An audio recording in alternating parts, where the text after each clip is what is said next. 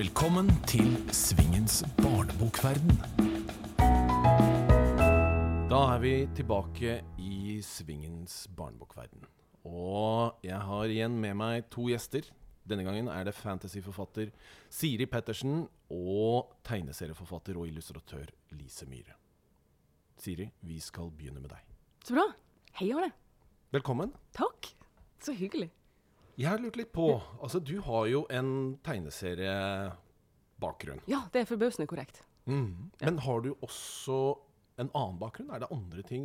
Har du hatt mange forskjellige jobber før du ble forfatter? Hvor mange bakgrunner har jeg hatt? Skal vi se. Nå må jeg tenke. Nei, både ja og nei. Eh, jeg prøver å se det sånn at uansett hva jeg har drevet med, så har jeg drevet med historiefortelling. I en eller annen form. Det har egentlig ikke spilt så veldig stor rolle for meg hvilken type historie, eller hva slags medium jeg har brukt for å fortelle det. Så jeg har tegna hele mitt liv, jeg har skrevet hele mitt liv.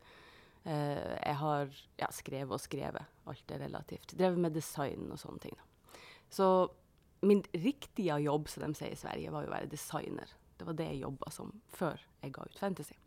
Og så har jeg gitt ut litt tegneserier, det er litt med illustrasjon. Men for meg er alt historie. Uansett om det blir tegna eller skrevet. I dette programmet så tror jeg vi må gå veldig tidlig inn på et av gjestespørsmålene. Uh. Fordi eh, det omhandler akkurat det her. Um, dette gjestespørsmålet er fra forfatter Tone Almhjell. du har juksa. Ja. så gøy. Og hun stiller spørsmålet Var det et særskilt øyeblikk da du skjønte at det var å skrive bøker du skulle drive med? Hvordan kom du frem til det, og hva følte du da? Ja, det var 11. mars 1974. Eh, jeg var ute, det var en høstdag. Nei, jeg tuller, selvfølgelig. Det var Altså, ja. Eh, I ettertid som voksen så har jeg innsett at det antagelig var et sånt øyeblikk. Og det er jo den eh, Astrid Lindgren-historien som jeg bruker å, å, fortelle noen gang. Det er Jeg hadde ei bok som jeg virkelig, virkelig elska da jeg var lita. Den heter 'Aller kjæreste søster' med Astrid Lindgren. Har du, har du lest den? Den har jeg ikke lest. Å, den er skjønn. Eh, den hadde jeg var vel syv-åtte år eller noe sånt. Hadde nettopp begynt på skolen, kunne ikke skrive skikkelig eller noen ting. Men, men jeg elska den boka. Jeg bar den rundt overalt, hadde den under armen. Jeg drev til og med og løy til ei venninne at det var den eneste boka av sitt slag i verden. Det var sånn en, eneste eksemplar av akkurat den boka, selvfølgelig. Hun trodde meg. Eh, men i denne boka så er det Det handler om ei jente. Hun finner en portal i hagen. Det er et hull i hagen med noen roser rundt. Og så kryper hun inn der, og forutsigbart nok så kommer hun da til et slags parallelt univers, eller en annen verden. Og der finner hun si eh, sjelesøster som heter Ylva Li. Alt er jo som det skal være så langt. Og Ylva Li var dronning i det her riket, og de hadde det grisekult. De hadde det kjempegøy. De spiste karamell på piknik, de for og vandra i gullsaler og rei på hest gjennom skogen om natta under fullmånen, og alt var helt, helt topp. Uh, så skjer det noen ting hjemme hos denne jenta. Foreldrene begynner å prate med henne og, og, og har kjøpt henne en hundevalp på et eller annet tidspunkt. En puddel. Dagen etter at hun har fått denne puddelen, så går hun ut i hagen. Og da er hullet borte, og de her rosene er visna. Og tidligere har jo det blitt sagt at når rosen visner, da er alle i denne verden døde. Og nå tror jo du kanskje at det er begynnelsen på boka, men det er ikke begynnelsen på boka, det er slutten på boka. Det er den traumatiske, eh, sjelsopprivende, forferdelige slutten på boka. Hun får en puddel. Alle dør i et parallelt univers. Og det er jo en, en ganske eh, horribel ting å gjøre mot et ungt, uskyldig barnesinn. Eh, jeg følte i hvert fall den gangen at noen prøvde å stenge meg ute fra et eller annet sted der jeg veldig gjerne ville være. Og jeg har den boka liggende hjemme fremdeles. Og der har jeg skrevet med, eh, med blyant og sånne litt tåpelige, barnslige bokstaver med r-ene baklengs og litt sånn, for jeg var jo ikke så himla flink å skrive den gangen. Men da skrev jeg en alternativ slutt i denne boka. Jeg skrev eh, å nei, Ylva Li var død. Jeg kastet meg ned på baken, faktisk. Eh, og lå og gråt. Å nei, Ylva Li var død. Og det syns jo jeg den gangen, og nå for så vidt, var en langt mer emosjonelt tilfredsstillende slutt på ei sånn bok. Altså, det, er jo, det, er jo, brutalt. Det er en forferdelig ting å gjøre. Eh, og jeg har tenkt i ettertid at kanskje allerede da eh, følte jeg at noen prøvde å fortelle meg at så lenge alt er bra, i livet ditt. Så lenge mamma og pappa snakker med deg, og så lenge du får en puddel og alt er fint, så trenger du ikke fantasiens verden. Da kan vi bare utrydde hele ja. Og det var jeg jo ikke enig i den gangen, og det er jeg fremdeles ikke enig i i dag. Så sannsynligvis visste jeg at jeg kom til å skrive allerede da. Men var det pga. denne boka at det måtte bli fantasy? Eh, det er også et veldig godt spørsmål. Det har alltid vært fantasy. Jeg har aldri sklidd bort fra fantasy, så det var ikke noe spørsmål om hvilken sjanger jeg skulle skrive i. Det, det var, selvfølgelig skulle jeg skrive ei bok med kart på første side. Det var innlysende. Det har jeg alltid visst. Men jeg lagde jo sånne her små bøker om gråtende prinsesser og sånn, som er festa med nål i ryggen. og sånn, Så jeg har alltid drevet på med sånn type skrive-tegne-kombinasjon. Eh, og visste at jeg kom til å skrive bok. Det var bare et spørsmål om når. Mm. Eh, det kom til å skje før eller seinere. Jeg har lyst til å lese en uh, liten dedikasjon, tror jeg vi nesten kan kalle det, som står først oh. i, den, uh, ja. i, Odins barn. Um, foruten at det er selvfølgelig da til mamma og pappa og, og Kim, så står det da 'Og til deg, du som alltid leste bøker ingen hadde hørt om'. Du rare bakerst i klassen, du som vokste opp i en mørk kjeller der skjebnen ble avgjort med tæ Terningruller, du som fremdeles kler deg ut, du som aldri passet helt inn, og som ofte følte at du var på feil sted til feil tid. Dette er din bok. Er dette en beskrivelse av deg?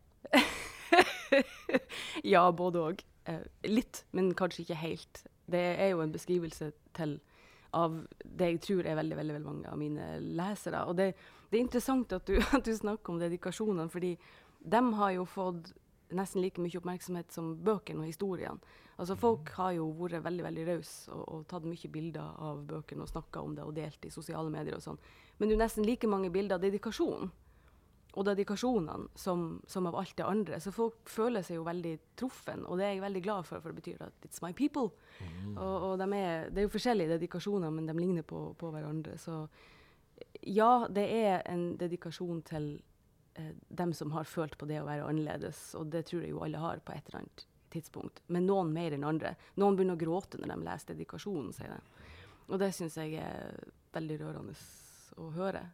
Og det betyr jo at de kjenner på det veldig mye sterkere enn en kanskje eh, andre gjør. det. Men 'Ravneringene' det er da tre bøker. Det er 'Odins ja. barn', 'Råta' og 'Evna'. Det er forbausende korrekt, det også. Mm -hmm. mm. Trilogi. Ja. Det er det jo relativt mange av. Måtte det bli en trilogi? ja, var det planen hele veien? Eh, eh, ja, det var planen hele veien. Det, det, er litt morsomt, fordi før den første boka var utgitt, så, så visste de jo på jobb eh, Jeg jobba i et IT-selskap som designer. Lagde webløsning i et selskap som heter Cantega.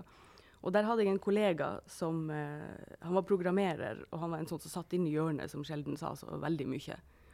Og da ble vi stående ved sida av hverandre inne på kjøkkenet en gang, og så sier han eh, hører du skriver? Ja, sier jeg. Ja, fantasy, da? Ja. En trilogi, da? Ja. så, så, det er liksom visse regler du, du, skal forholde deg til. Mm -hmm. men, men, jeg liker de store formatene, da. Uh, mm. Og fantasyelskere gjør jo det. Vi liker både å lese og skrive de store formatene. Ja, for det er jo ikke tynne bøker du har skrevet? Uh, nei, I'm sorry about that. Um, de er, de er tjukke, og det, det Men det er kanskje er noen som klager på at de faktisk ikke er tykkere òg. Ja, du, mm. det, jeg har prøvd å, å, be om unnskyldning for det, men de fleste sier jo at de, de skulle gjerne vært lengre, og skulle gjerne mm. vært flere. Men, men uh, det interessante er jo at man Jeg har jo forsøkt å fatte meg i korthet. Jeg er ikke en sånn som liker å brodere ting, kan du si, så veldig mye, eller beskrive så veldig mye. Men det er uh, mange, mange tråder å holde rede på som skal flettes sammen, og, og da blir det jo sånn. Men det er jo det som er interessant, syns jeg, når du virkelig får gå inn i noen ting. Og det liker jeg jo som, som leser også. Eh, å få lov til å synke inn i et univers som det tar tid å tilpasse seg, som det tar tid å forstå og være helt sikker på hva som foregår. Men du valgte et eh, norrønt univers. Mm. Hvorfor gjorde du det? Ja. Jo, det er et godt spørsmål. Det er sikkert fordi jeg er nordlending.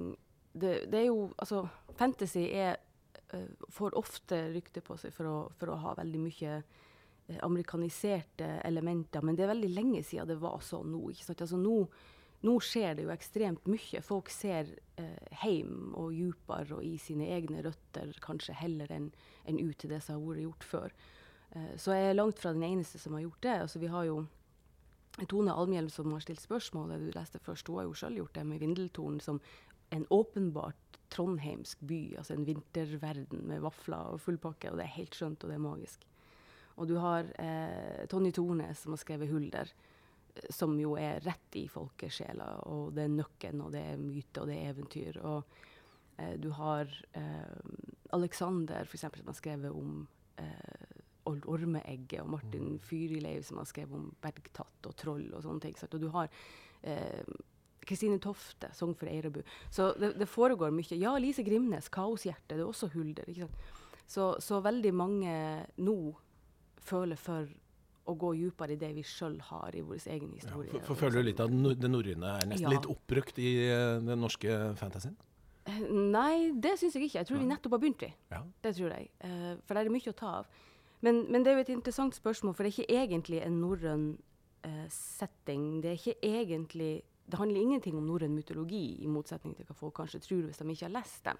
Det eneste som har med norrøn mytologi å gjøre, det er tittelen 'Odinsbarn'. Og Odinsbarn er et skjellsord. Jeg sier veldig lite om eh, hvorfor det heter Odinsbarn, annet enn at Odin var menneskene sin gud. Derfor blir mennesker kalt for Odinsbarn. Ellers handler det jo ingenting om norrøne guder. Men du føler det, du kjenner det, at det er norrøne røtter. Det er et åpenbart nordisk klima, geografi, kultur. Navninga spesielt. Ja, for jeg tenker jo litt på navnene. Altså, de har navn ja. som Urd, Ilume, Garm, ja. Rime. Er dette norrøne navn? Eh, både òg. Funnet, noe har du funnet på? Det meste har jeg funnet på, men, men noe av det er eh, norrønt, norrønt-ish, eh, norrønt light, norrønt kombinert med noe annet. Eh, norrønt engelskaktig, eller noe som kunne vært norrønt, men ikke helt er det. I can't believe it's not norrønt. Norrønt 30 mm. osv. Så, så Så det er, det er Jeg har hatt en norrøn ordbok og har kosa meg veldig mye med ord, men jeg tror um, den viktigste faktoren har vært at jeg, er, at jeg er nordlending. Og jeg bruker veldig mange ord som for meg er logiske og innlysende, men som kanskje ikke andre forstår. Og veldig mange av de nordnorske slangordene har blitt ekstremt viktige deler av boka. Altså, boka handler jo f.eks. om en slags magisk kraft som jeg aldri omtaler som magisk eller magi. Den kalles for evner. Og, og, og evner er jo et ord i Norge som de fleste forstår. Og det å bruke denne evna kalles for å favne, som også er et ord de aller fleste i Norge vil forstå. Men, men oversetterne i utlandet holder jo på å, å rive av seg håret, fordi det er ikke bare bare å finne ord som gjør den jobben, som, som nordnorske slanguttrykk gjør, gjør f.eks. Um, så har de ei forestilling om at når du dør, så kommer du til et slags dødsrike der du bare rigger og, og, drømmer. Og hvordan du har oppført deg i det virkelige liv, avgjør om du drømmer godt eller dårlig. Og denne verden kaller de for slokna. De har ikke noe helvete eller noe sånt. De, de havner i slokna når de dør. Og ordet 'slokne' og 'slokna' eh, ringer jo veldig godt hos meg. Fordi det er helt vanlig for oss hjemme i Nord-Norge å si at du slokner på sofaen og sånn. Eh, det er det du gjør, du sovner inn. Men prøv å finne et engelsk eller et finsk eller et liksom, polsk eller tsjekkisk ord som, som, kan gjøre den samme jobben. Det er vanskelig. Noen av dem velger rett og slett å, å beholde det. Men det er én ting jeg lurer på når det gjelder uh, fantasy. Jeg er jo da ingen fantasy-ekspert. Det er jo et av de områdene som jeg ikke vil uh, Jeg skriver jo mange forskjellige sjangere når det gjelder litteratur, men fantasy kommer jeg ja. garantert aldri til å forsøke meg på. Det tør oh jeg ikke. God. Du tør ikke? Nei, det gjør jeg ikke. Det var interessant. å høre. Hvorfor litt, ikke? Ja. ja. Det er jo litt fordi jeg da ikke har den store fantasyinteressen selv, kanskje. Jeg føler jeg ikke har lest uh, de fleste oh fantasybøkene. Men uh, ja, selvfølgelig. Det må du gjerne være. Men likevel, jeg tenker på altså det Eh, hvis man f.eks. går på Outland, så ser du jo hvor mange mm. fantasybøker som ja, finnes internasjonalt. Ja, ja, det finnes jo veldig mye. Og selv om du nå snakker om det norrøne, mm. så er det likevel så heter jo uh, serien din 'Ravneringene'. Og så tenker man med en gang ja, 'Ringenes herre', hvor det også er noen ringer i tittelen. Men er det vanskelig i dag å være skikkelig original innenfor fantasy? Ja, det kan du si. Det, det er vanskelig å være original. Uh, det er vanskelig å tenke en tanke som ikke har vært tenkt før, tror jeg. Men originaliteten kommer jo i Eh, måten man gjør ting til sitt eget på. Og sånn som Ravneringene for eksempel, er jo et veldig godt eksempel, for det handler ikke om den typen ringer. Det er ikke det du kanskje tror. Det er ikke sånn man har på fingeren. Det er snakk om steinsirkler. ikke sant? Så det er den typen ringer. Og, og det er jo heller ikke en ny tanke. Altså det å, å, å bevege seg imellom verdener gjennom steinsirkler det er jo en idé som har eksistert lenge. Altså På Island så kaller man sånne steiner som står støtt opp mot hverandre, for alvedører. Fordi det skulle føre til et annet sted. Sånn, så det er heller ingen ny tanke. Men det aller meste av fantasy eh, kommer jo fra eh, den samme kilden, kan du si. Altså det, det mennesket, det er vår kultur, vår kulturhistorie. Det er vår mytologi, det er de nye eventyrene. Og det er klart at da er det heller ikke meninga at du nødvendigvis skal tenke så utrolig nytt. Det er vel mer mening at du skal si noe viktig eller noe som er relevant på en, på en tiltalende måte. Og, og, det er mange som sier at akkurat ravneringene er, eh, er spesielt. Altså at det, at det er originalt. Men sjøl føler jeg jo ikke det. Ikke i det hele tatt. For meg er alt det her eh, kjent, på en måte. Det, det, virker familiært fordi det tilhører de samme mytene og de samme grunntroa som har eksistert. Så vi har jo alle stjålet rått av hverandre. Eh, Tolkien også. Han var jo en kjempetyv i, i, forhold til eh, med, med, kulturhistorie fra hele verden. da. Men du sa at du visste at det skulle være et kart i starten av boka. Ja, så klart. Og det er jo veldig typisk for Har ikke du kart i starten av dine bøker? jeg har faktisk hatt det én gang. ja, ja, ja, så der, da har du sannsynligvis skrevet fantasy, eller var det science fiction? Nei, kanskje? Det var, det var ikke den type kart. Nei, ok. Nei, det var ikke det. Okay, ja. Men, uh, du hadde et håp der, nemlig. ja. Men, uh, um, så, så, så, og du har jo da den fordelen at du kan tegne dette kartet selv. Ja, sant. Ja. Se der. Det er jo straks enklere. Mm. Men er det sånn at det er noen uskrevne regler innenfor fantasy noe du på en måte må ha med? Nei. Nei. Uh, nei. Altså, det, det, det, er kanskje mange som, som, som, tror det, men sånn er det jo ikke. Altså, fantasy er jo, like, det er jo like bredt som en hvilken som helst annen sjanger. Du velger sjøl å følge de tradisjonene du vil følge, og bryte med andre. Det, er, det fins ingen regler der som det gjør noe mer enn en andreplass. Jeg har lest fantasy som er virkelig, virkelig rart og sært, og fantasy som føyer seg inn i ei slags oppskrift for hvordan ting vanligvis går. Men så har du jo den der gamle, gamle uh, uttrykket om at det finnes egentlig ikke mer enn åtte forskjellige historier mm. pakka inn på en eller annen måte. Så, så både ja og nei. Men, men uh, det er så mye å ta av at jeg tror ikke det er vanskelig å skrive originalt hvis du hvis du ser andre plasser enn i andre bøker. Og det er jo mange som, som har spurt om hvor inspirasjon og sånne ting kommer ifra. Og eh, jeg pleier å svare at det er det er langt mer sannsynlig at jeg har blitt forma av tegneserier, av rollespill, av TV-serier, gamle filmer, enn av andre bøker konkret. For det som er skreven, det er skrevet. Eh, men sånn som Neil Gaimans 'Sandman' eksempel, tror jeg har gjort mye mer for måten jeg tenker på i forhold til historier, enn kanskje andre bøker har gjort. Og, og, det skyldes jo sikkert at jeg er så visuell, at jeg driver med, med tegning, illustrasjon og, og, og har jobba som designer. Det er jo det som gjør at jeg sjøl liker å tenke visuelt i bøkene. Jeg blir også påvirka av det visuelle.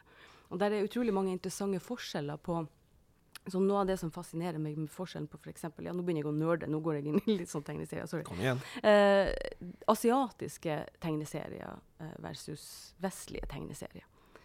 Vi er veldig opptatt av det her mønsteret, denne oppskrifta for historiefortelling, hvordan en historie skal fortelles. Så når du leser amerikanske tegneserier, så er det sånn, sånn, sånn. Der er action i hvert panel, der skjer noen ting. Og hvis ingen er død, eller ingen har kyssa på første side, så er det ingen som er interessert. ikke sant? Du har knapt med tid, du har knapt med plass, og det er veldig sånn kompakt eh, og metta. Og så har du en del eh, asiatiske tegneserier, f.eks. Lone Wolf and Cub, eh, som, som, jo kan finne på å bruke seks-syv sider på å tegne sivet som svaier i vinden fra den ene til den andre sida og ikke noe annet. Eh, de tør å velge hva de skal fokusere på, og bruke tid på det, selv om det er små, små ting. Det må ikke være eh, så himla mye action hele tida.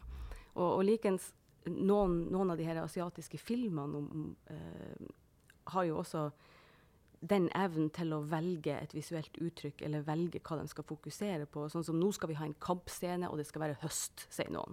Og da er det høst, og da er det 110% høst. Og da er det oransje blader, og de snurrer overalt, og du ser ingenting annet, og du dykker inn i akkurat den følelsen. Og, og det liker jeg. Det, sånt krever selvtillit. Og, og, jeg er glad i å prøve å velge hva du skal fokusere på, heller enn å beskrive for mye. Eh, og gjøre det til en tydelig og, og visuell greie. da. Men du har jo ikke bare tegnet dette kartet, du gjør jo hele omslaget selv også. Ja, gud forby at noen andre skulle gjøre det. Det var liksom det. Ja, jeg kunne jo ønske at jeg kunne gjøre omslagene selv, men Ja, eh, det er jeg nok ikke flink nok designer Ja, til. men det, det hjelper jo selvfølgelig at det var jobben min. Jeg husker når jeg kom til forlaget, så var det litt sånn Det var, det var min første bok, sant. Og jeg visste ikke i det hele tatt om jeg kunne skrive. Jeg visste ikke om jeg var flink til det. Men du visste hvordan omslaget skulle være. Helt riktig. Mm. Det var det jeg gjorde. Jeg kom liksom med manus og sa ja, ja, hvis det er noe dere vil klippe eller ta vekk eller fjerne eller endre, så må dere bare si ifra. Men her er Ja. coverene. Og det var jo Det var greit, da. Det var det. Siden- ja, ingen det, diskusjon. Nei, De har jo blitt veldig fine, da. Ja. Takk, det er hyggelig Mm. at du sier det. Men det, altså, siden det var jobben min. Men det hadde sikkert vært litt annerledes hvis, jeg, hvis det ikke var jobben min, eller hvis jeg sa at jeg hadde en nevø som var flink i Photoshop og sånn, og du vet nå hvordan det er. Mm. Det kan fort bli litt kaos av, av eh, sånt. Så ja. Men disse bøkene kommer jo ut som ungdomsbøker. ja.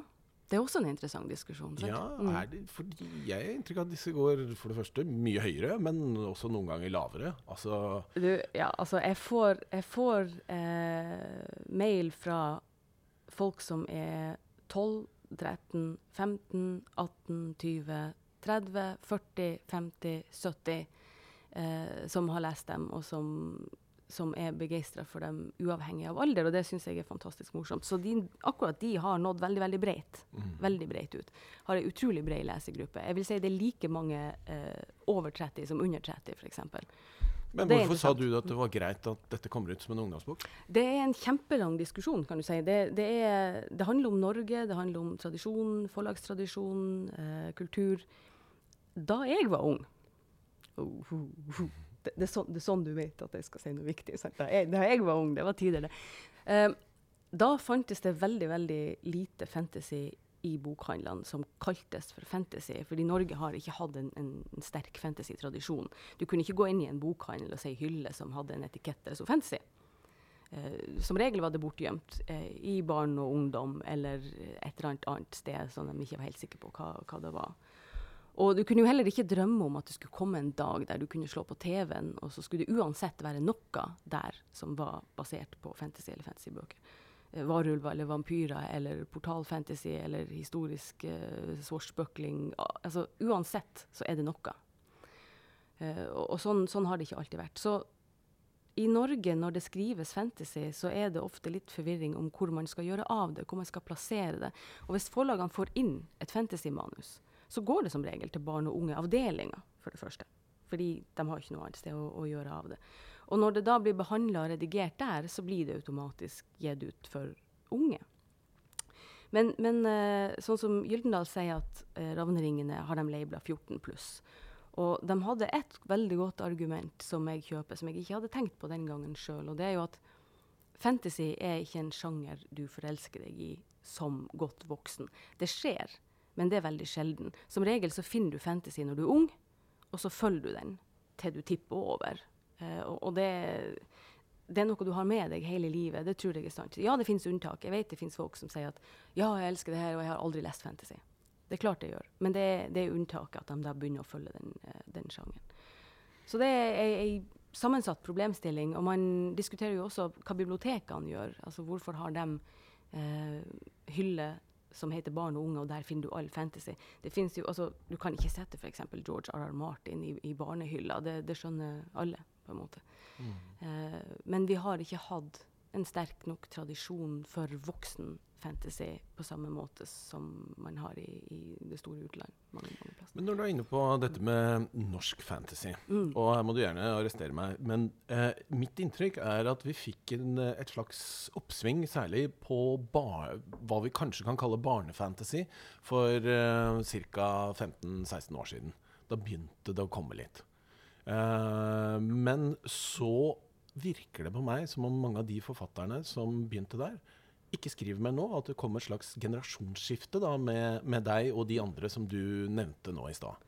Det kan, det kan hende. Eh, For 15 år siden så satt jeg dypt inn i andre ting og så meg ikke rundt og ante ikke hva som foregikk i bokbransjen, for bokbransjen var helt fremmed for meg. Eh, Så da følte jeg veldig dårlig med. Men det er veldig lett å, å, å tenke at eh, når, det, når det skjer noen ting, og det blir en trend, så, så er det det første. Men det er jo ingenting som er det første. Uh, mange har sagt at, at Ravneringene var det første store virkelig sånn verk av type fantasy. Det er ikke sant. Kristine uh, Tofte var jo rett før meg, f.eks., med 'Song for Eirabu', som var to massive, tjukke uh, norrøne bøker. Og, og, sånn vil det jo alltid være. Men det som var unikt, var jo at eh, da Odinsbarn kom ut, så kom også Hulder ut. Samtidig, samme året, samme høsten. Eh, og Vindeltorn, Tone Almhjell, kom samme høsten. Bien Chen av eh, Torbjørn Øverland Amundsen kom samtidig, samme høsten. Og, og, vi publiserte, altså vi kom ut på samme forlag samme høst. Og, og, det var alt fantasy. Så noen et sted har jo funnet ut at ja, nå, nå gjelder det. Og, og, det har vi jo tjent fryktelig mye på. Og, nå rører det seg jo overalt. Det er fantastisk hyggelig. Eller på en annen ting. fordi La oss si da at jeg skulle skrive fantasy. Nå skal ja. jeg ikke gjøre det, men hva ville vært den Jeg er ikke sikker på at du ikke skal det, men OK. hva ville vært den største fantasyfella å gå i? Hva er det jeg absolutt burde unngå? Den utvalgte er jo det første jeg tenker, men, uh, men uh, det kan jo gjøres på mange måter. Mm. Uh, profetier og utvalgte og glødende sverd og fireballs og wizards og sånne ting. Mm. Men, men alt det her kan gjøres på din egen måte. Alt det her kan du få til å bli ditt. Med dine egne navn og din egen historie rundt det, så, så klarer du å dra det i havn også. Altså. Jeg noterer som en gal her nå. Gjør det. Altså, det, det har vært, jeg har selv vært frista til, å, til å, å, lage historier om utvalgte, f.eks. For eksempel, fordi det er et så sentralt element i, i tradisjonell fantasy. Eh, men på en sånn måte at at det blir annerledes likevel. Altså Du kan lage den motvillige utvalgte, eller du kan lage den utvalgte som var feil utvalgt når alt kom til alt. Eller du kan, altså, du kan snu på ting hvis du vil. Eh, noterer du? Nå ble det veldig mye, men jeg har det på tape. ja, det vi har det, vi har det på opptak. Altså. Men, men det finnes mange klisjeer, selvfølgelig. Det gjør det. Hva du ville sagt til meg hvis jeg sa jeg har lyst til å skrive krim, f.eks., eller jeg har lyst til å skrive sosialrealisme. Mm. Jeg hadde sikkert hatt noen Hva? tips, men vi, vi har ikke tid til å gå gjennom alle i dag. skal vi skal få inn Lise. Og jeg skal ha et siste spørsmål til deg. Ja. Det hun er i ferd med å sette seg, er jo at nå er denne trilogien ferdigskrevet. Hva nå? Nå jobber jeg på et nytt prosjekt som skal være løst knytta til Ravneringene, men ikke avhengig av. Det betyr at hvis du har lest Ravneringene, så vil du skjønne hva knytninga er, men du er ikke nødt til å ha gjort det for å kunne lese den nye, nye serien. Det er mitt mål. Mm. Det er planen i hvert fall, men så kan jo alt skje. Det vet vi jo. alt kan skje. Alt kan skje, Og det som skjer nå, er at uh, Lise skal uh, komme inn i studio her og sette seg ned og komme så nære mikrofonen som mulig. Velkommen, Lise.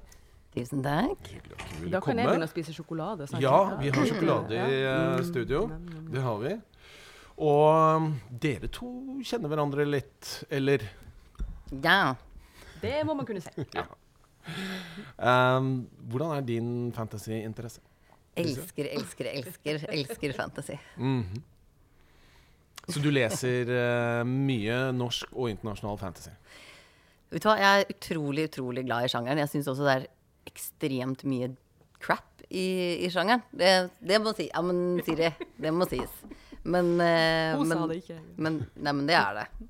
Det er det vel kanskje Det er det vel i, i alle sjangre. Ja. Men er det sånn at du legger men, fra deg en bok, eh, du gir den 50-100 eh, sider, og så Nei, dette kan jeg ikke fullføre. Eh, nei, så det det jeg, gjør nå, er vel at jeg, jeg, tar ikke opp så mange helt ukjente titler som jeg gjorde før. Fordi sånn holdt jeg på i mange år. At jeg bare plukka opp og leste og leste og leste. Um, um, men, um, men, det er utrolig Det er vanvittig mye bra, og det er morsomt at det er masse bra som er norsk nå. Syns jeg er superstas. Og jeg er kjempefan av, av Siri. Er veldig, veldig veldig fan av henne også, så det så går bra. fint. Veldig, ja. veldig tosidig fandom i så fall. Mm. Men du har slutta helt med å lage tegneserier, Siri? Har du det? Ja. ja. Det er veldig veldig lenge siden ja. jeg lagde tegneserier. Det Aldri igjen, eller? ja, pause. Er det det? Pause kaller hun det for. En pause på sånn ti år eller noe sånt. 20, kanskje. Nei, det har vært artig å tegne igjen, det har det. Men, uh, men uh, det, det, er lenge siden. Uh, jeg trodde jo en gang i tida, faktisk, da jeg begynte å pusle med Odinsbarn, så hadde jeg en idé om at det kanskje var en tegneserie, men det vokste jo rimelig fort ut av, av det formatet. Dessuten så så jeg jo hvor mange andre fantastiske ting som fantes av tegneserier, sånn som Blade of the Immortal og sånn, og han kan tegne, liksom. Så da tenkte jeg nei, det blir ikke å skje. Jeg er glad det blir bøker. og Det hadde vel kanskje holdt på i ti år til, eller hvis det var Jeg hadde aldri blitt ferdig. Nei, Nei, ikke. det hadde ikke jeg i hvert fall. Kunne du tenkt deg å skrive noe mer enn eh, det du har gjort til nå? Noe større?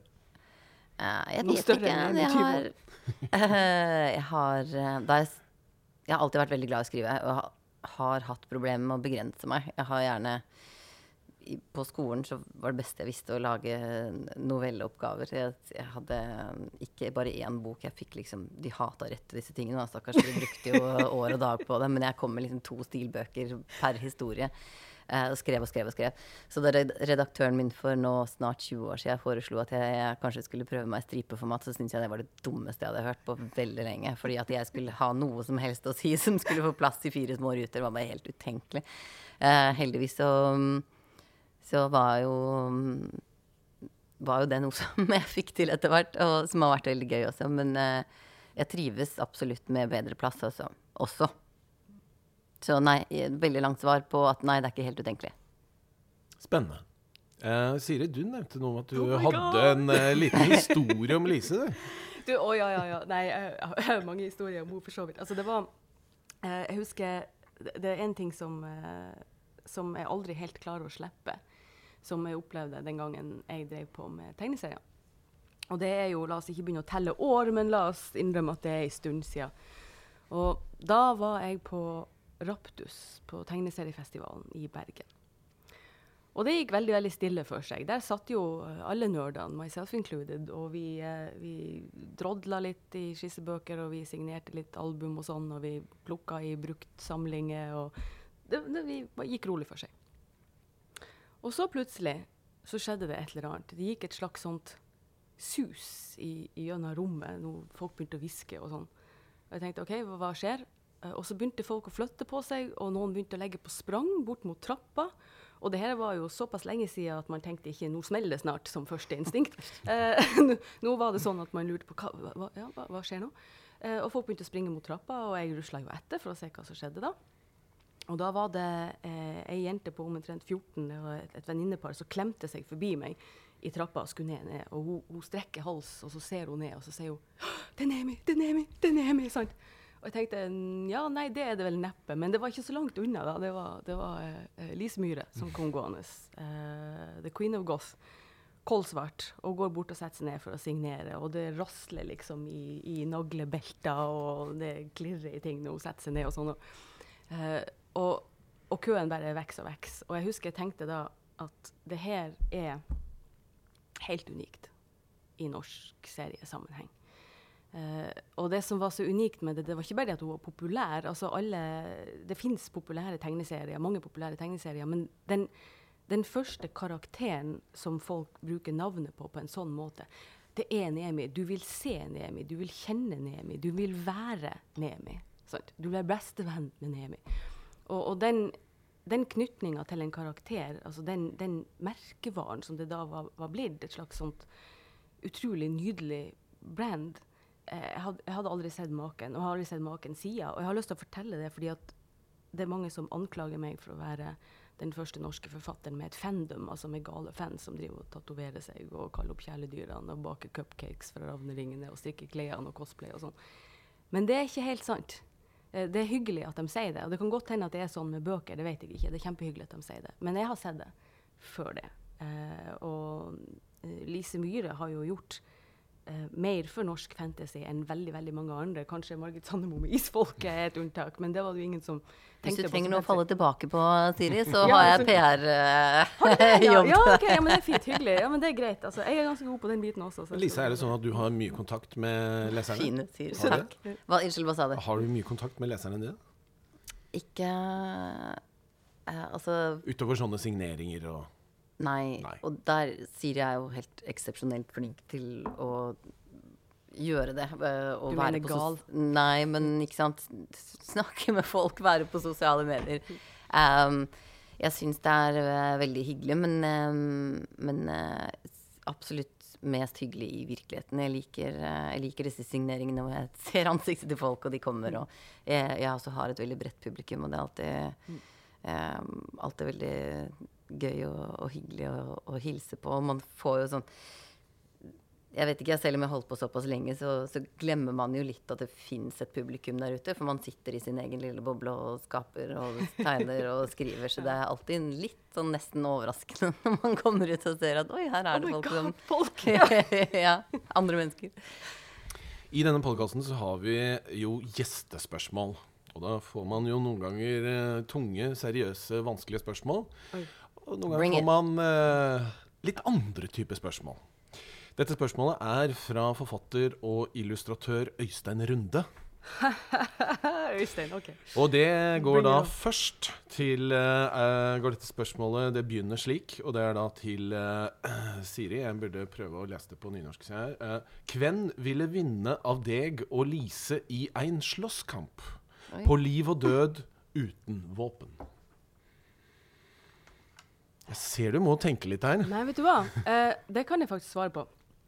Eh, jeg uh, trente taekwondo i mange år, så eh, jeg eh, Jeg vant faktisk et verdensmesterskap, eh, sølv og bronse i et verdensmesterskap i TAGB på taekwondo for noen år siden. Det er helt riktig. Wow. TAGB taekwondo i England. Men eh, eh, Hvis jeg legger til så- det at det, grunnen til at vi snakker om dette her, er at du skulle drept meg, så er det ikke veldig Nei, fascinerende. nei, nei, for det er ikke det som ville skjedd, nemlig. Altså, jeg ville ha det beste i utgangspunktet uh, for å vinne en sånn slåsskamp.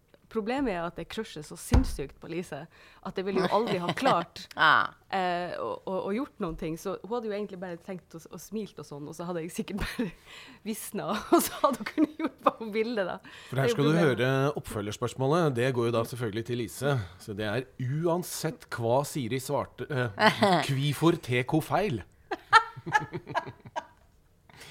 Er spørsmålet til deg. utrolig rart spørsmål, eller? Er det ikke veldig rare spørsmål? Jo, men jeg lar gjestespørsmålsstillerne stå helt fritt. Og dette er vel et typisk eksempel på det.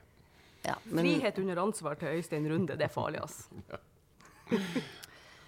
altså, det er, det er feil, fordi uh, i dette tenkte scenario så fins det selvfølgelig en portal som vi ville funnet for å unnslippe dette idiotiske ja. Det var jo genialt svart. Og nå kommer jeg på en ting som jeg har lyst til å spørre deg om. Uh, det her er det klassiske portalspørsmålet. Hva er et klassisk portalspørsmål, Siri? Har du ikke hørt om det klassiske Kom igjen, har du hørt om det Nei, klassiske jeg vet ikke hva portalspørsmålet? dette er, Ok, One of us always lies, and one of us always tell tells the truth. Yes, this is the truth. Det er et klassisk portalspørsmål. Du går etter veien. Helt alminnelig dag. Ingenting galt i det hele tatt. Alt er fint. Plutselig så ser du framfor deg Er dette et vanlig portalspørsmål? Det er et vanlig portalspørsmål. Et klisjéspørsmål om Yes. portaler? Mm. Det er en portal. Du ser en portal framfor deg. Mm. Den er i ferd med å lukkes. Den går til en annen verden. Du vet, jeg vet ikke hvilken, du vet ingenting om hva som er på den andre sida, men du vet at du har dårlig tid. Mm. Maks to-tre minutter. Alt du har, er en telefon. Hva gjør du, Lise? Nei, men det kommer jo helt an på utgangspunktet. Um, det har jo vært Man har jo vært på steder i livet hvor man hadde løpt og hoppa inn, og så er det andre steder hvor Nå er jeg heldigvis på et sånt sted at jeg ikke ville ha gjort det, for nå har jeg det veldig bra her. Hadde du ringt noen? Om jeg hadde ringt noen Ja. Det er en portal, det er en portal her, den er i ferd med å lukke. Ja. Eller nå hopper jeg. Hopp i en taxi liksom. nå. Ja. Ehm, om jeg ville ringt noen Nei, det er veldig gøy at dette er et klassisk spørsmål. Dette har jeg aldri hørt før. Har du aldri hørt portalspørsmålet? Jeg trodde jo det var en Men hva, eh, ja. hva, hva med deg? Jeg, har, jeg har prøvd å gå systematisk til verks opp gjennom årene, så jeg har kommet fram til at For du har båret det sannsynligheten- spørsmålet med deg i årevis. Har ikke du? Altså, Ja, det er som sagt første Arne, du har tenkt på det, har du ikke? Jeg, har, jeg slipper å svare i min egen podkast. OK, ja, du, ok, du slipper unna med å slippe å svare. It's my podcast, I don't have to say anything. Um, jeg har kommet fram til at hvis det var en altså, La oss si at det var en portal som gikk til et annet sted på jordkloden. da. Til og med da så ville sjansen for å komme til et sted der du har bedre livskvalitet enn du har her, være så idiotisk liten eh, at det ville vært en råsjanse å ta. Og hvis du da åpner for hele universet, du kan komme hvor som helst, hvor stor er egentlig sjansen? Selv om du er ihuga optimist, som jeg jo liker å tro at jeg er, så er det vanskelig å se først at du skal komme til et sted der du kan ha det bedre enn du kan i et land som Norge i dag. Så nei, jeg vil nok ikke det. Men det ville jo ha ødelagt meg. jeg hadde jo ikke sovet ever again. Men hadde det vært en ekte portal, så hadde du sett et lite glimt av noe på den andre siden. Tror du ikke det, da? Had, ja, la, oss si, la oss si det. Ja, vi hadde, ja, vi hadde, Det tror jeg. hadde- Hadde du sett 'Dansende demoner', så hadde du kanskje skjønt Kanskje at okay, kanskje. et et annet. Ja, eller Ja, OK. Eller Falkor. Når vi snakker om akkurat det her, så syns jeg det passer fint å ta det andre gjestespørsmålet, som eh, da kommer også fra forfatter Tone Almhjell, og er da til deg, Lise. Og det er om du skulle valgt deg et fiktivt univers å leve i, romanunivers, TV-univers eller tegneserieunivers, hvilket hadde det blitt, og hvem ville du vært bestevenn med? Å, det er et veldig fint spørsmål. Kan jeg komme tilbake i morgen? Ja, det er noe med noen av disse spørsmålene at man egentlig trenger masse tid å tenke på det, men det har du ikke. Det har vi ikke. Um, nei, jeg har jo um, Jeg har jo mine um, jeg, jeg har vært ikke bare veldig veldig glad i bøker alltid, men, men også film. Eh, sånn, det, det er flere Dette burde jeg kanskje ikke fortelle, men, eh, men det, er, det, er, det er ganske mange filmer hvor jeg kan hver eneste replikk. Jeg kan sitte og sitere komplette filmer her, her og nå. Um, så det er jo det første jeg kommer på, selvfølgelig. At jeg ville vært um, Jeg hadde sånn eh, 20-årig crush på Atreyu. Uh, det må ikke gi seg nå. Han var tross alt 14 da han spilte i den filmen. Men, eh, men eh, Fantasia tror jeg man nesten må svare det, altså. Det var et ekstremt godt svar. Jeg er veldig enig. Så bra. Eh, story. Mm. Siri, da skal vi si tusen takk til deg. For nå skal vi bare konsentrere oss om eh, Lise. Det syns jeg var lurt. Ja. Det ville jeg også ha gjort. Så veldig hyggelig at du kom. Veldig Og hyggelig å være her. så bra. Eh, Lise, du er jo da selvfølgelig Du er jo mest kjent for Nemi, men vi skal faktisk snakke litt om deg som bokillustratør. Nei, skal du det? Ja? som bokillustratør av barnebøker. ja. Du har jo eh, nylig illustrert eh, ja, det er vel tre bøker. Forfatter er Synnøve Borge. Mm.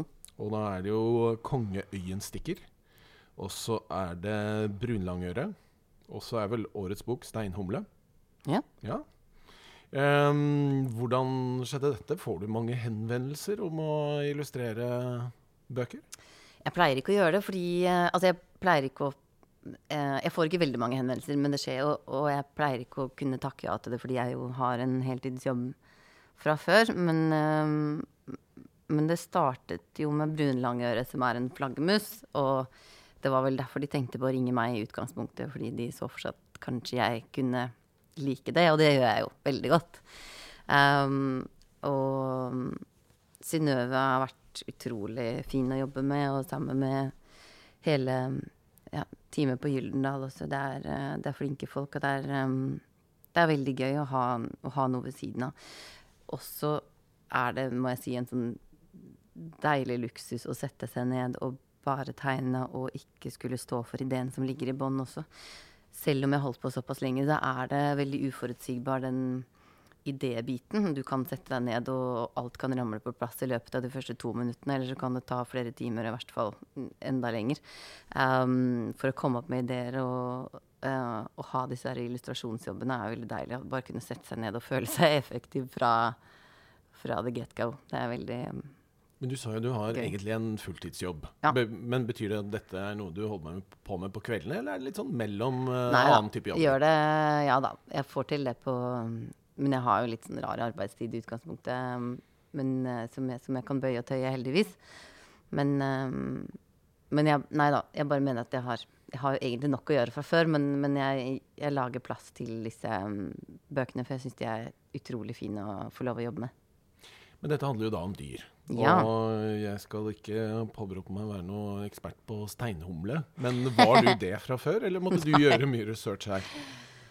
Ja, og det, altså Steinhumle var én ting, men eh, da jeg skulle illustrere eh, denne boka om kongeøyestikkeren Og den har forskjellige sånne larvestadier, og er, jeg er så utrolig bortskjemt nå med å kunne sette meg ned og google hva som helst, og så kommer det opp på millisekunder akkurat det du vil ha. Det var ikke så lett med disse her. Så heldigvis så var det eksperter inne som kunne si at nei, da må du Kjevepartiet må være litt bredere. Sånne, sånne ting som jeg bare hadde null forutsetninger for å vite. Uh, så jeg følte litt at jeg famla i blinde der. Um, nå er det straks i gang med en, eh, en ny bok som jeg um, gleder meg veldig til å sette i gang med. Den, uh, jeg håper jeg har lov å si det, for det har jeg tenkt å gjøre nå. Den skal handle om ravner, Siri. Men flaggermus, da? Var det noe du eh, kjente godt til på forhånd? Uh, for- jeg elsker flaggermus. Jeg hadde nettopp vært og besøkt um, Norges eneste flaggermusmottak, som ligger ute i Nittedal. De tar seg av skadde og medtatte flaggermus, så får dem ut i, i naturen igjen. Um, veldig mange av artene vi har, er også rødlista, så det er viktig å, å ta vare på dem av flere grunner. Men um, Nei, det var litt pussig. Nettopp da jeg hadde vært der ute, så fikk jeg tilbud om, um, om å illustrere den, den barneboka. Og da de presenterte ideen, syntes jeg det hørtes veldig rotete ut. Fordi det er en kombinasjon mellom faktabok og historiebok. Um, jeg klarte ikke helt å se for meg konseptet, men, um, men det, er, uh, det fungerer utrolig bra, syns jeg. Jeg, synes jeg liker bøkene um, veldig godt. Også i og med at de også um, har fotoillustrasjoner. Altså ja, det illustreres med ekte fotografier også, så slipper jeg å ha um, da, da gir meg litt friere tøyler, føler jeg, eh, på uh, illustrasjonene. Jeg kan uh, ta meg litt friheter. Men er det sånn at dette er litt sånn uh, friminuttet? Uh, du jobber med Nemi, og du vet at her må jeg få til en veldig bra stripe. Og du vil jo selvfølgelig få til bra eh, illustrasjoner, men det er litt sånn at eh, jobben, skrivejobben er jo gjort, og du vet jo omtrent hva som må illustreres. Og så sitter du der og koser deg. Jeg koser meg veldig med Nemi også, men det er, um, det er jo gøy å ha Jeg liker å ha variasjon. Og um, nå har jeg holdt på med Nemi veldig lenge, og det er gøy å kunne gjøre um, sånne ting innimellom. For du er vel egentlig utdannet eh, illustratør? Altså, du har jo gått på et kunstcollege i California. Nei. Teller det ikke? Nei, det teller ikke. Det var mest for å ha noe en unnskyldning for å dingle rundt der litt. Men eh, nei da, grafisk design er det vel jeg har um, studert. Men vi må jo kanskje snakke litt om Nemi òg. Hva, hva er liksom den, den typiske Nemi-leseren? Er det ungdom, eller er det voksne nå? Um, det er en veldig sammensatt uh, gruppe.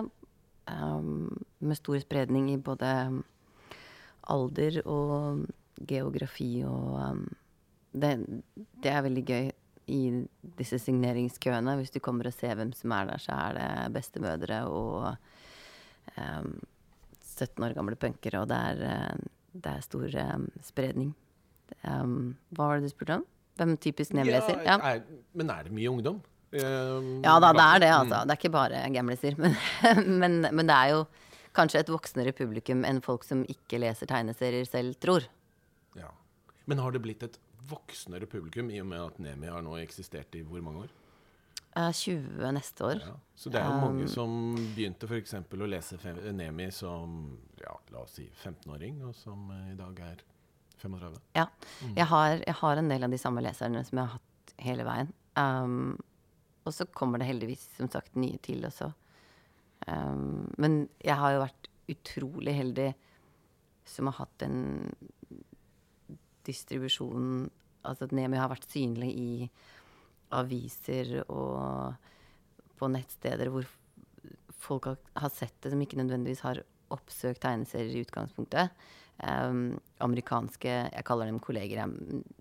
folk som driver med det samme, er jo utrolig fascinert av eh, det at vi som norske serietegnere kan eh, treffe folk i med, altså med produktene våre i matbutikken og på bensinstasjoner. Og det er jo Jeg tror det er like mange utsalgssteder for tegneserier i lille Norge som det er i hele USA. For der er det Du må til en tegneseriebutikk for å lese tegneserier. Eller for, for å få kjøpe den. Um, og tegneseriestriper, sånn som de er kjent med det i avis, er jo veldig rettet mot barn. Så um, ja. Der, der har jo vi en, eh, en, en stor, stor fordel. Mm. Jeg har jo egentlig lurt litt på hvor gammel er egentlig Nemi? Ja, det lurer jeg litt på. 20-årene, tenker jeg. Men blir hun eldre, eller føler du på noen måte selv? Det er hun veldig liksom- rart, for nå har hun liksom stått Jeg holdt henne opp, føler jeg at hun har sprellet i luften i sånn 19 år, og så har jeg plutselig satt henne ned på bakken, og så har hun begynt å gå. Eh, fordi da jeg begynte å lage tegneserier, så visste jeg ikke hva jeg drev med i det hele tatt. Og jeg hadde heller ikke lest noen særlig stripeserier. Jeg er veldig glad for det nå, at jeg ikke visste hva jeg drev med i det hele tatt, fordi da hadde jeg nok gitt meg selv en del eh, begrensninger. Jeg hadde tatt hensyn til en del begrensninger som jeg ikke var klar over at jeg hadde. Skjønner du hva jeg prøver å si? Ja. Så uh, Men igjen, jeg visste ikke hva jeg drev med. Jeg var veldig um, opptatt av å skulle um, utvikle Nemi-figuren. Var ikke så opptatt av å ha noe struktur ellers. Og, eller visste, visste, ikke noe om det. Visste ikke noe om at jeg egentlig burde ha bygd opp universet rundt. Eller disse bifigurene kom jo utrolig motvillig og veldig sent inn i bildet. Um, hvor er det jeg er på vei hen nå, egentlig? Jo, fordi uh, det har vært en sånn serie som har stått stille i tid, og plutselig nå så har jeg tatt noen grep og, og lager litt utvikling og flere serier som faktisk henger sammen. Um, så nå plutselig føler jeg at de eldes lite grann, men ikke veldig. Altså, hun er jo Nå er jeg plutselig mye eldre enn Emi. Jeg føler at hun fortsatt er i tidlig i 20-årene et sted. For hvordan jobber du egentlig med ideer? Sitter du da på hvor du nå enn jobber, og, og, jobber fram uh, ideene mens du har papir foran deg, eller uh, går du andre steder, eller er det innfallsmetoden noterer hele tiden på vei ut av studio? Er, hvordan jobber du? Det hender jo at jeg får ideer, og da må jeg skrive det opp med en gang. Og jeg pleier ikke å gjøre det, og så pleier jeg å glemme det. Uh, men det er jo et håndverk, altså. Um, så man sitter jo ikke og venter på å bli inspirert. Man, man setter seg ned og, og, skriver. Og så blir det lettere um, jo lenger man har holdt på. Um, og jeg pleier å I hvert fall i forhold til stripene, så de pleier jeg stort sett alltid å skrive baklengs. At jeg må vite hvor jeg skal ende opp hen. Um, det gjør jeg vel litt også når jeg skriver lengre ting. At um, ja, jeg, jeg, må, jeg, må, vite hvor jeg skal, da. Um, det var et svar, det. Mm. Og da skriver du det ut først, eller begynner du da nærmest å tegne den siste avsluttende Nei, vet du hva, nå har jeg blitt såpass vet, Det er ikke så bra, egentlig, men nå, jeg, nå hender det at jeg Det hender ganske ofte også at jeg begynner å tegne ut ting når jeg bare har en anelse om hva som skal stå der. Men egentlig så skal man jo ikke gjøre det. Egentlig så skal jo alt tekstes først, og alt teksten ligge akkurat på en prikk helt ferdig. Um, da blir det best. Men noen ganger har jeg så veldig lyst til å begynne tegne at jeg gjør det allikevel. Men ikke uten idé, altså. Akkurat når det gjelder arbeidsmetode, så, så er det jo én ting jeg lurer spesielt på når det gjelder deg. Fordi jeg er en forfatter som trenger musikk mens jeg jobber. Jeg mm. må liksom alltid ha eh, musikk rundt meg. Og jeg egner meg nok ikke så godt i kontorfellesskap. For mm. jeg vil stort sett ikke ha den på øret, jeg vil ha den i rommet. Ja. Og gjerne med litt grann volum. Jeg vet at du er musikkinteressert. Er det så at du bruker musikk aktivt på noen måte når du jobber? Alltid veldig mye. Uh, men ikke når jeg skriver. Da um, jeg, jeg, liker så godt tanken på det, så det hender fortsatt at jeg prøver meg. Men da jeg, jeg må helst bare stenge alt ute når jeg skal skrive. Men det er jo en liten del av min jobb, så når jeg først begynner å tegne, da da går de enten veldig høy musikk, eller også Nå har jeg holdt på som sagt veldig mange år, så jeg liker også veldig godt å ha på podkast eller uh, forskjellig Jeg kan ha på Ja, det er jo litt som å sitte og strikke, nesten, altså, når du sitter og tegner. At hjernen begynner å kjede seg og har lyst til å drive med noe annet. Så, da, sånne podkast er jo genialt, for da føler jeg at jeg sitter og lærer noe samtidig som jeg jobber. Så bra. Ja. Vi kan kanskje si at Nemi er for uh, ungdom og voksne. At det går litt over hodet på de aller minste. Ja, det kan du godt si. Ja. Men det jeg lurer på, er at hvorfor finnes det så få norsktegnede tegneserier for barn? Uh, Noen anelse? Nei um, Egentlig ikke. Jeg har ikke tenkt så mye på Jeg leste vel Leses det egentlig så veldig mye tegneserier for barn? Fordi det kan jo være et spørsmål Nei, et svar på det. det er, jeg vokste opp med Donald selv. Det var vel sånn jeg lærte å lese. Og så var det Pellefant og Bamse. Eh, begge to laget av eh, en og samme svenske, tror jeg. Um, men, um, men nei, jeg vet ikke om det er um, Jeg har barn selv som ikke er veldig interessert i tegneserier. De spiller kanskje mer spill? Ja, nei, de skal bli interessert i tegneserier, altså. Ja. Men, uh, men, ja, det er liksom de litt større episke greiene som jeg tenker at det er viktig at de skal få med seg. Um, Men det er jo helt fantastisk måte å lære på. Som, nå sa jeg akkurat at det var sånn jeg lærte å lese. Jeg, um, jeg, det er Jeg vet ikke. jeg, vet ikke hvorfor det er uh, lite for barn. Jeg kunne godt ha tenkt meg å lage det selv. For jeg vokste jo også opp med å lese tegneserier. Mm. Jeg brukte jo all ukelønna mi på å kjøpe tegneserier, rett og slett. Mm. Det var det jeg gjorde. Og uh, idiotisk nok så klarte jeg selvfølgelig å gi bort alle tegneseriene mine i det øyeblikket noen skulle pakke ned gutterommet mitt. Uh, det angrer jeg litt på i dag, for ja. jeg hadde veldig mange bra tegneserier som kom ut uh, den gang. Noen som ikke var så bra også men som gjorde at jeg hele tiden var på en måte Jeg fulgte utviklingen, min egen utvikling. Mm. Gikk fra, som du sier, uh, Bamse, Donald, kanskje etter hvert Sølvpilen, til så å lese mer uh, avanserte ting. Og et eller annet sted i ungdomsårene så begynte jeg på da det som vi kanskje kan kalle voksentegneserier. Men hvem er det som er dine store tegneseriehelter? Um, Charlie Christensen er vel um, min absolutte favoritttegner. Og så hadde jeg nok kanskje ikke drevet med Nemi, hadde ikke vært for han, for det var en sånn veldig stor aha, Ja, unnskyld. Han har skrevet Arne Anka. Mm. Um, blant annet. Han har laget mye annet også som har vært utrolig fint, men det var Arne Anka som fikk meg til å skjønne at wow, det går an å lage tegneserier for voksne også. Um, og formidle noe i, med det mediet også for, uh, for, et helt annet publikum enn jeg hadde tenkt på før. Det syns jeg var utrolig spennende og passet jo meg veldig godt, som var veldig veldig glad i å fortelle historier og, og ikke minst å tegne. Så um, nå sitter jeg litt og tenker på det. Jeg er ikke så veldig opptatt av Jeg kan ikke så mye sånn rundt Jeg er jo ikke sånn Folk skal komme og snakke til meg om tegneserier og tror naturlig nok at jeg skal vite veldig mye om det. Jeg gjør ikke det. Um, men jeg føler at jeg må nevne at vi har jo utrolig flinke norske folk som faktisk lager ting i Donald. da. Mm. F.eks. Arild Midthun, som er jo helt idiotisk flink til å tegne. Mm. Som, uh, og, og, flere nordmenn. Som uh, Så det, det teller jo, det. Mm. Han nikker. Det ser ja, dere ikke, men han fra, gjør det. jeg gjør det. Jeg tenker på mm, Tilbake til illustrasjonene mine for, uh, for barn. Altså, mm. Nå skal, er du jo allerede antagelig god gang med ravnene som du driver og tegner. Men tror vi, får vi også se dine illustrasjoner i andre type barnebøker? Tror du? Er det sjanse for det? Ja, sjanse for det er det vel. Men uh, som sagt, det er ikke noe jeg pleier å gjøre. Altså, men jeg syns det er um, Jeg setter veldig pris på å å gjøre det litt uh, nå. Jeg syns det er um, ja, veldig morsomt. Jeg tar det som et ja, jeg. Ja, okay. det. Ja. Mm. ja. Så vi regner med å se flere av den fantastiske ja, streken kanskje. din i norsk barnelitteratur. Det jo, tror jeg ville gjort seg veldig, veldig godt. Takk, takk. Vet du hva, Lise? Tusen takk for at uh, du ville komme. Det ville jeg så klart. Takk for at jeg fikk.